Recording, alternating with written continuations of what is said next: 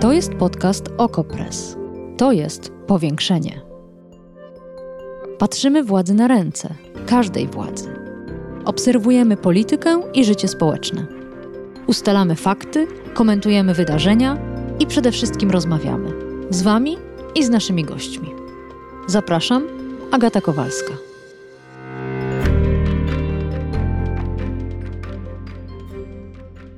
Napisał do mnie pan Anton.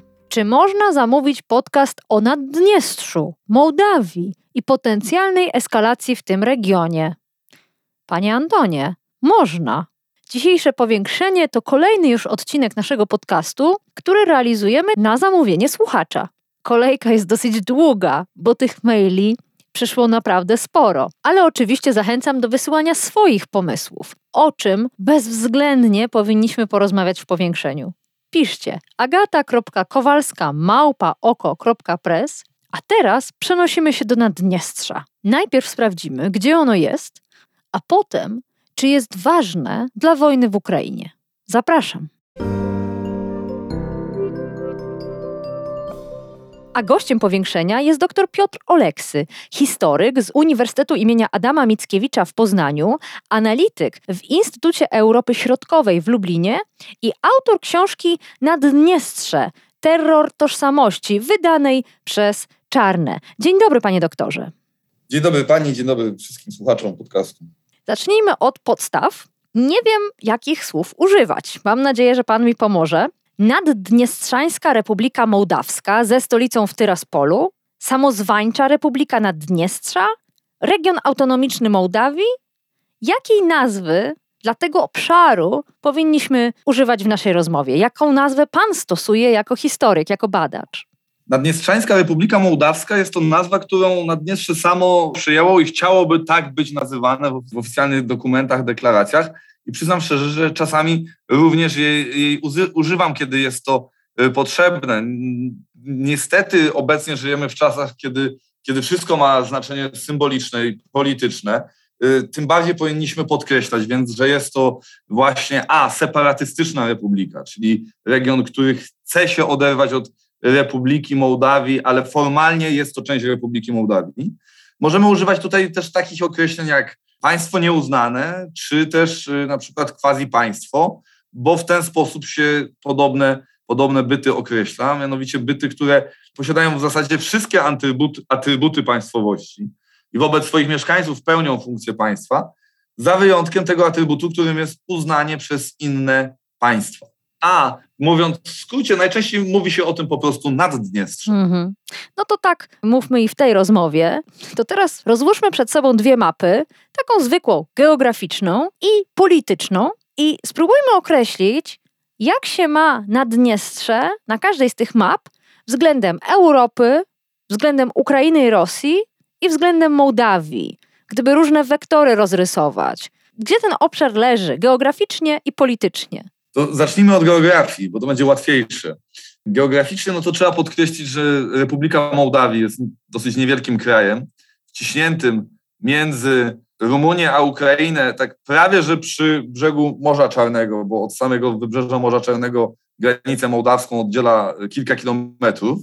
Natomiast Naddniestrze jest to lewobrzeżny fragment Republiki Mołdawii, a mówiąc lewobrzeżny mam tu na myśli brzeg Dniestru, więc znajdujący się na lewym wschodnim brzegu Dniestru, pas ziemi liczący w najszerszym miejscu troszeczkę powyżej 30 kilometrów, więc jest to naprawdę nieduży obszar. Po jednej stronie mając taką swoją y, no nieuznaną, ale realną granicę z Republiką Mołdawii, a po drugiej stronie mając y, granicę z, z Ukrainą. I to może tyle, jeśli chodzi o geografię. Natomiast jeśli chodzi o politykę, no to tutaj jest to oczywiście otwarcie puszki, puszki z opowieściami, bo, bo, bo można by o tym opowiadać bardzo długo. I rozpoczynamy dzisiejszy 17-godzinny odcinek powiększenia. Ja wiem, że to tak. trudne, ale z myślą o dzisiejszej rozmowie, z myślą o wojnie, która się toczy, to gdzież to Naddniestrze na mapie politycznej umieścić? Bliżej Rosji, ja bliżej tak, Europy? Ja powiem tak, Naddniestrze zawsze było separatystyczną republiką prorosyjską, które samo siebie chciało uznawać i przedstawiać światu, a także przedstawiać Rosji jako zachodni bastion rosyjskiego świata, czy też zachodni bastion rosyjskiej cywilizacji, czy też zachodni bastion w ogóle rosyjskich wpływów w, te, w tej części świata. Niemniej faktycznie w ostatnich latach zaszły tu pewne zmiany. I ile, o ile nadal w wymiarze takim retorycznym, symbolicznym, a także militarnym Naddniestrze jest tym zachodnim bastionem, czy też południowo-zachodnim bastionem y, wpływów rosyjskich, to w wymiarze polityczno-gospodarczym, czy też polityczno-biznesowym, który jest tutaj też niezwykle istotny, to y, zaszły tutaj pewne zmiany, ponieważ Naddniestrze od około 2016 roku utrzymuje się przede wszystkim z handlu z Unią Europejską oraz Republiką Mołdawii i Ukrainą. Tak, to jest niesamowity paradoks, zwłaszcza w kontekście, w którym rozmawiamy. Tak, tak. Naddniestrze w ogóle jest pełne paradoksów. I tutaj w zasadzie gdziekolwiek nie nadepniemy, to, to nadeptujemy na jakiś paradoks. Dlatego tak te rozmowy o Naddniestrzu są takie tak, tak złożone. Przede wszystkim trzeba podkreślić to, że mimo, że Naddniestrze zawsze było pod tak silnymi wpływami rosyjskimi, to to nie, to, to nie była republika sztucznie wykreowana przez, y, przez Moskwę raczej, tylko zawsze ten komponent lokalny, lokalnych po prostu interesów, interesów lokalnej elity miał tutaj ogromne, e, ogromne znaczenie, mm. a szczególne wymiaru to, szczególnego wymiaru nabrało to właśnie od 2016 roku, kiedy pełnie, pełnie, pełną władzę nad republiką przejęła grupa oligarchiczna związana z firmą Sheriff, mm -hmm. firmą która wykształciła się w Naddniestrzu, wyrosła w Naddniestrzu dzięki temu, te, te, temu nieuznanemu statusowi, a potem, jak ja to mówię, trochę przejęła kontrolę nad tym państwem, tak jak pasożyt, który przejmuje kontrolę nad żywicielem.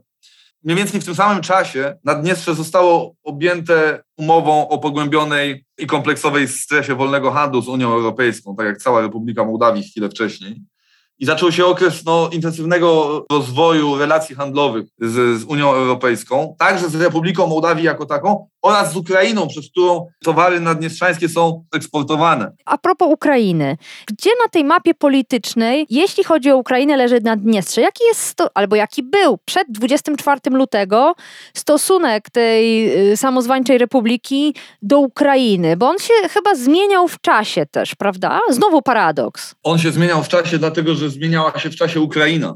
Z tym, że no jedno trzeba tu zaznaczyć, mimo pewnych jakichś tam oficjalnych, retorycznych takich napięć, szczególnie w okolicach 2014 roku, to y, te stosunki nigdy nie były wrogie, a powiedziałbym wręcz, że były bardzo konstruktywne, bo przez wiele lat, jeszcze mówię o latach 90., 2000, Naddniestrze i w ogóle przez cały ten czas Naddniestrze w zasadzie utrzymywało się i było w stanie się utrzymać przy życiu i funkcjonować, dlatego że granica z Ukrainą była otwarta i dlatego, że interesie, szczególnie no, oligarchów, ludzi biznesu z obwodu odeskiego, obwodu winnickiego, z tych regionów, które y, graniczą z Naddniestrzem, w ich interesie było korzystanie z tego, że mają u swojego boku takie właśnie mm, nieuznane para państwo, bo to otwierało biznesowe możliwości. I nawet kiedy po pomarańczowej rewolucji po 2004 roku prezydent Juszczenko prowadzi, próbował prowadzić taką bardziej jednoznaczną, prozachodnią politykę wobec y, Naddniestrza, no to, to, to te realia funkcjonowania tych relacji przygranicznych były, by, były zupełnie inne, no bo ten, ten biznes po jednej i drugiej stronie granicy się doskonale, doskonale realizował. Mało tego, nawet w 2014 roku, kiedy wybuchły, wybuchła y, wojna na Donbasie, po, już po aneksji Krymu, y, no była obawa, że coś podobnego może jakaś tutaj może być agresja ze strony Naddniestrza.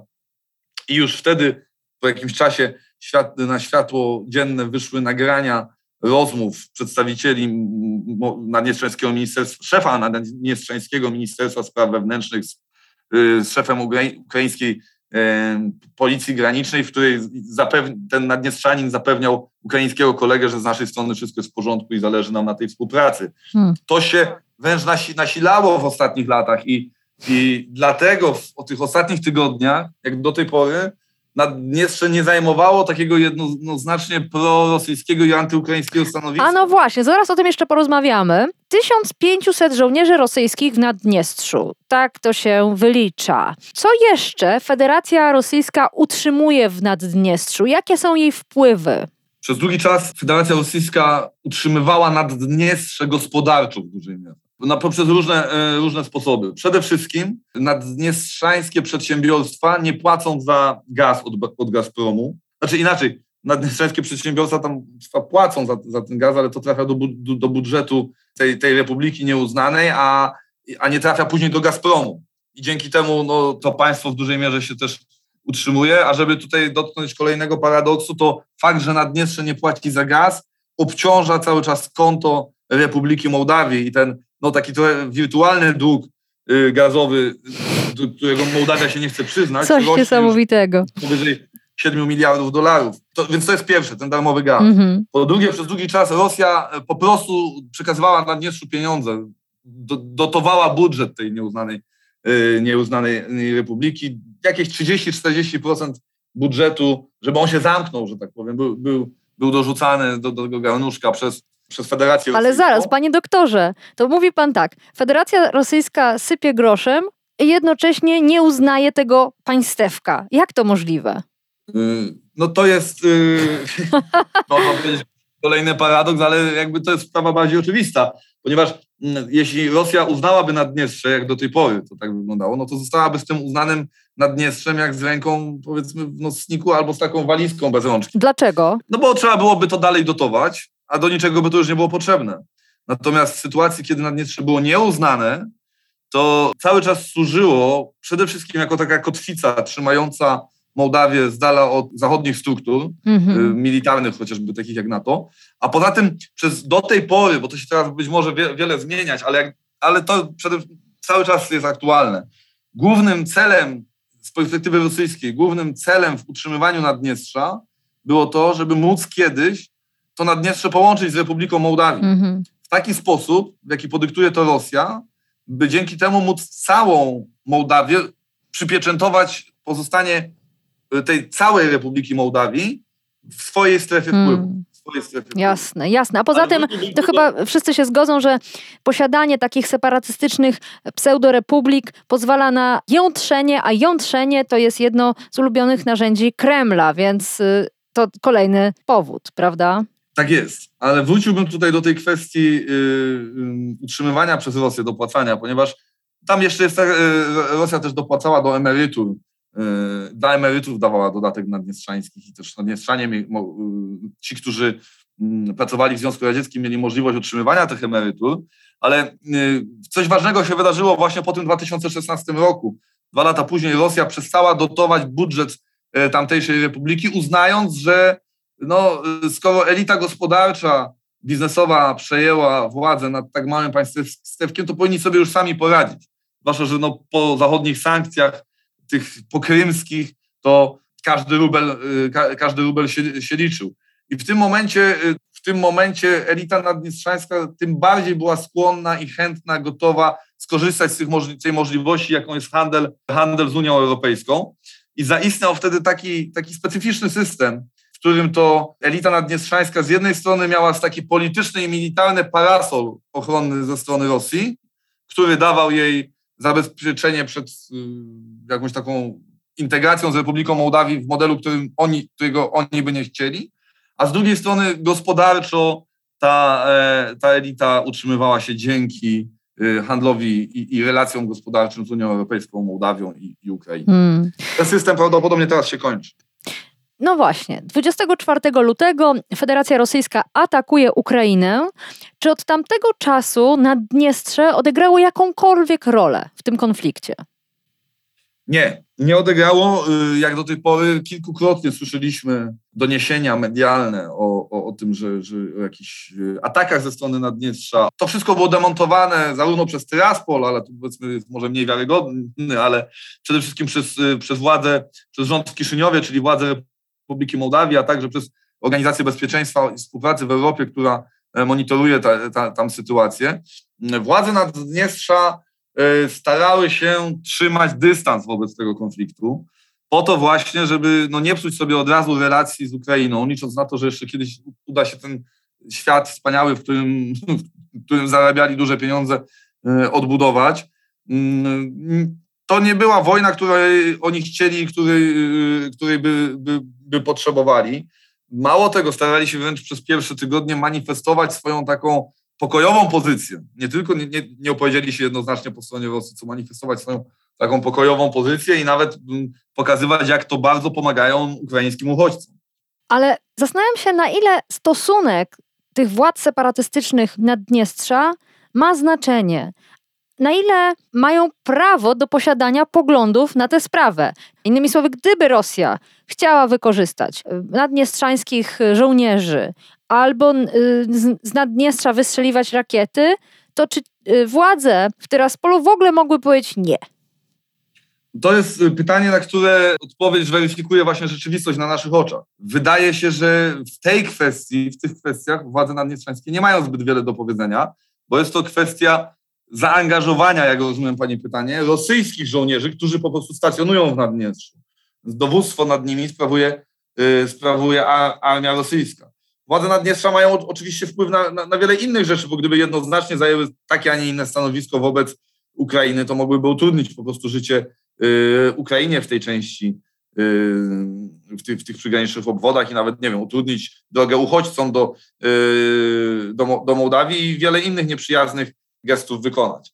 Tutaj jednak pojawia się takie pewne małe ale. To znaczy, to małe ale y, polega na tym, że jak to się ocenia, 70 do 80% żołnierzy służących w jednostkach rosyjskich, które stacjonują w Naddniestrzu, to nie są ludzie przysłani tam y, z Rosji, tylko to są ludzie wychowani i urodzeni już w Naddniestrzu, y, którzy są oczywiście obywatelami Federacji Rosyjskiej, bo tego prawo, prawo wymaga, ale no to są ludzie, których życie światopogląd i interesy takie osobiste wykształciły się, się właśnie, właśnie w Naddniestrzu. Ludzie dobrze, dosyć dobrze znający Republikę Mołdawii i Ukrainę, yy, bo jest to dla nich świat bliski. No i tutaj pojawia się pytanie, jaka będzie wartość bojowa tych, yy, tych żołnierzy.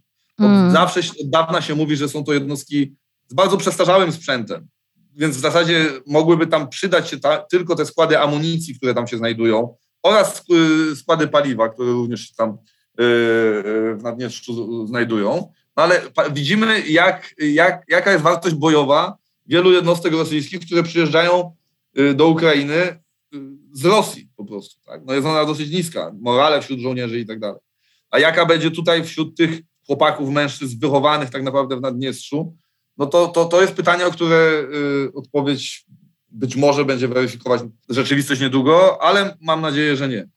A kiedy na początku naszej rozmowy powiedział Pan, że Naddniestrze to taki zachodni bastion Federacji Rosyjskiej, to na ile mocno powinniśmy się przywiązywać do słowa bastion? Czy ten obszar w jakimkolwiek sensie ekonomicznym, militarnym, geograficznym, w kwestii długości granicy z Ukrainą jest istotny dla strategii y, rosyjskiej w tej wojnie. Słowo bastion odnosi się raczej do mentalności i pewnego wyobrażenia świata, który bardzo długo był żywy y, wśród samych mieszkańców Naddniestrza i wśród tamtejszej y, elity. Natomiast jeśli chodzi o taką wartość Naddniestrza, o którą pani, pani pyta, no to, to wie pani, zawsze można powiedzieć, że, że jest ona bardzo duża, a można też powiedzieć, że jest ona niewielka i, i pewnie i na jedną i drugą rzecz się e, znajdą argumenty i to zależy po prostu wszystko od kontekstu, od sytuacji i zależy, gdzie, gdzie to, to ucho przyłoży. No dobrze, no to y mamy 4 maja 2022 roku, pięć dni przed Dniem Zwycięstwa, ważnym dniem, w którym Putin chciałby się czymś popisać. Trwa wojna w Ukrainie. Jakie są silne strony Naddniestrza? Czy w ogóle pojawi się ten obszar na stole w czasie rozmów generałów rosyjskich? no właśnie z perspektywy rosyjskiej to Naddniestrze ma przede wszystkim takie wartość, że ono jest. Taką wartość, że ono jest. I, I zawsze może pojawić się na stole w przypadku rozmów, jakichkolwiek rozmów dyplomatycznych, na przykład z Zachodem, tak? i ustalania porządku w Europie jako karta przetargowa w tą lub drugą stronę. Więc nawet gdyby tam nie było żołnierzy rosyjskich i gdyby mieszkało tam ośmiu, mm, osiem osób, prawda, ale byłoby kontrolowane przez Rosję, to, to, to w taki sposób by było y, wykorzystywane. Po drugie, y, wartość y, taka militarna, już patrząc z tego Naddniestrza, to jest obecnie przede wszystkim w kontekście ukraińskim. To jest przede wszystkim jako zaplecza logistycznego, potencjalnego zaplecza logistycznego umożliwiającego dostawy amunicji, dostawy paliwa, oleju napędowego, diesla, czy nawet dostawy żywności dla armii rosyjskiej. Dużo większe miałoby znaczenie to Naddniestrze w przypadku jakiegoś chęci Y, konfliktu zbrojnego z Republiką Mołdawii, bo wtedy można bezpośrednio już wykorzystać tych żołnierzy tam stacjonujących. No tutaj powraca to pytanie o ich gotowość do takiej walki, o No ich morale. 1500 żołnierzy naprawdę, chyba nie wiem ilu ma y, mołdawskie wojsko, 3000 chyba, ale, ale. Mołdawskie służby, te, takie siły zbrojne, powiedzmy łącznie tam licząc jeszcze straż, grani wojsko graniczne i tak dalej, około 5 tysięcy, tysięcy osób, ale do tych 1500 żołnierzy y, służących w armii y, rosyjskiej musi y, pani dodać jeszcze około powiedzmy 5 tysięcy żołnierzy naddniestrzańskich si sił zbrojnych, prawda? No tutaj też wiadomo, powraca to samo pytanie, bo o, o ich gotowość do walki przeciwko Ukrainie, czy przeciwko Republice Mołdawii, czy gotowość do realnej walki, walki w ogóle, która nigdy nie była przeciwsprawdzona, ale mówię tutaj o samych faktach, o samych, no dobrze, y, ale sam, samych liczbach. Wolałabym, To, y, żebyśmy nie, jednak nie rozpętywali wojny z Mołdawią e, w podcaście czy też w rzeczywistości. Zwróćmy się znów do tych problemów, które mamy, czyli do wojny, która się toczy w Ukrainie. E, Witold Głowacki, dziennikarz Okopres, który od 24 lutego y, analizuje dla Państwa sytuację na frontach, Między innymi o Naddniestrzu mm, pisze tak. Ukraina ma wystarczające środki, by zablokować Rosjanom próby wzmocnienia kontyngentu w Naddniestrzu, zwłaszcza drogą lotniczą. Ich samoloty lub śmigłowce musiałyby przelecieć nad terytorium Ukrainy i lądować na zrujnowanym lotnisku w Tyraspolu. Jeszcze trudniejszy do wykonania dla Rosjan byłby scenariusz z desantem morskim. To, na co może sobie obecnie pozwolić Rosja, to najwyżej działania o charakterze hybrydowym skierowane przeciwko Mołdawii. Żeby na serio myśleć o pełnoskalowym ataku, Rosja musiałaby najpierw opanować Odessę, co obecnie graniczy z niemożliwością. Zgodziłby się pan z całością, częścią tej analizy? Nie, jak najbardziej zgadzam się z całością. Jak najbardziej zgadzam się z całością. Tutaj nie będę więc y, powtarzał, tutaj jak najbardziej jest racja y, w, tym wszystkim. Dlatego y, wartość bojowa, nad, tak powiem, strategiczna Naddniestrza w przypadku wojny przeciw Ukrainie pojawi się wtedy, czy też pojawiłaby się wtedy, gdyby wojskom rosyjskim udało się podejść pod Odessę, czy też nawet zdobyć to, to miasto, czy też w przypadku wal, walk o to miasto. Tak? Wtedy byłaby sens jakiegoś uruchomienia y, naddniestrzańskich oddziałów, no właśnie jako zaplecza, za, za, zaplecza logistycznego. I to jest Mhm. no, tylko tyle i aż tyle. Prawda? No ale to panie doktorze, to dlaczego nie tylko my, ale naprawdę wiele mediów dyskutuje o Naddniestrzu, skoro, jak pan sam mówi, sytuacja, w której ono by się okazało ważne w tej wojnie, jest w tym momencie mało prawdopodobna, bo Odessa doskonale się broni. A mimo to to Naddniestrze wraca i wraca. no, Naddniestrze wraca i wraca, bo Naddniestrze jest obszarem bardzo zmi, zmitologizowanym w polskiej gdzieś tam opinii mm, w sferze publicznej. No, jeśli w ogóle ktokolwiek coś wie o Naddniestrzu, to kojarzy mu się to właśnie z takimi hasłami jak skansen po Związku Radzieckim, czarna dziura Europy, czy też z totalnie absurdalnym hasłem, które też często słyszę pod y, hasłem y, Korea Północna e, Europy, no i właśnie z tymi wojskami, y, wojskami rosyjskimi, czy też określenie takie, nie wiem, najdalej wysunięty lotniskowiec, tak, czy też lądowy lotniskowiec rosyjski. Z tą różnicą, że w, na lotniskowcach są samoloty, a w Naddniestrzu samolotów nie ma. No ale zaraz, Y, panie więc- doktorze, jest pan pewien, że tylko niewiedza nasza, niewiedza o Naddniestrzu powoduje, że nagle staje się ono takim właśnie mitem wojennym? Może jest, są też w tym jakieś twarde fakty, które przyciągają uwagę? Nie, no, nie, nie, nie dała mi pani skończyć. To powiedziałem, że to jest jedna z przyczyn, to jest, że, to jest, e, że to jest jedna z przyczyn.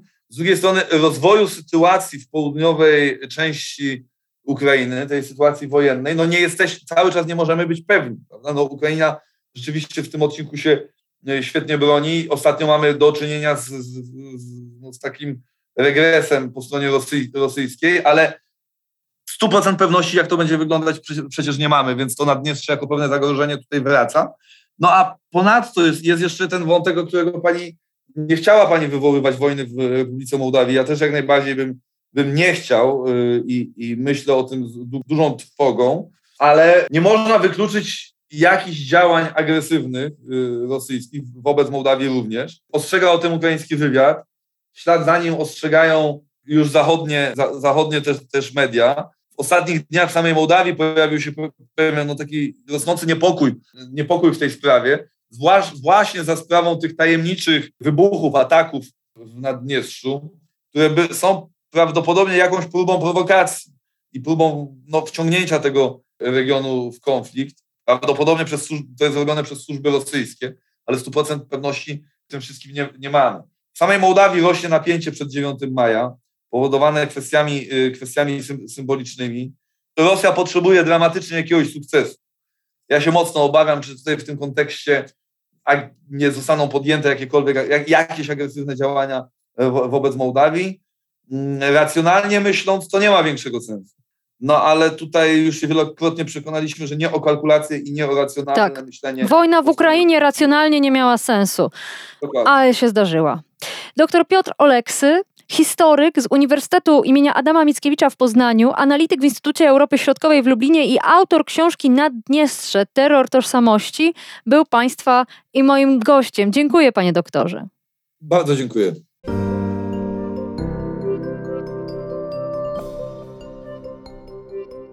Dziękuję panu Antonowi za pomysł na ten odcinek powiększenia i wszystkim tym, którzy go wysłuchali. Czekam na maile, opinie, krytykę i kolejne pytania. Mój mail agata.kowalska.małpa.oko.press czeka na Wasze komentarze. Chociaż akurat najbliższy odcinek powiększenia zaplanowałam sama. Naszym gościem będzie posłanka Pola Matysiak z partii Razem i porozmawiamy o programie antyalkoholowym, który próbuje forsować ta partia. Głosów krytyki jest o wiele więcej niż pochwał. Czekam i na maile w tej sprawie. Czy sprzedaż alkoholu w Polsce powinna zostać ograniczona? W jaki sposób? A może nie? Może wystarczy opierać się na zdrowym rozsądku dorosłych ludzi, nas, nas wszystkich. Czekam na opinię, proszę pisać i do usłyszenia w kolejnym odcinku Powiększenia. Powiększenie. Podcast Okopres. Prowadzenie Agata Kowalska. Podcast znajdziesz na stronie Okopres i w Twojej ulubionej aplikacji do podcastów. Redakcja Okopres działa od 2016 roku. Jesteśmy obywatelskim narzędziem kontroli władzy, obecnej i każdej następnej. Okopres utrzymuje się z Waszych darowizn. Wesprzyj nas, byśmy mogli działać dalej.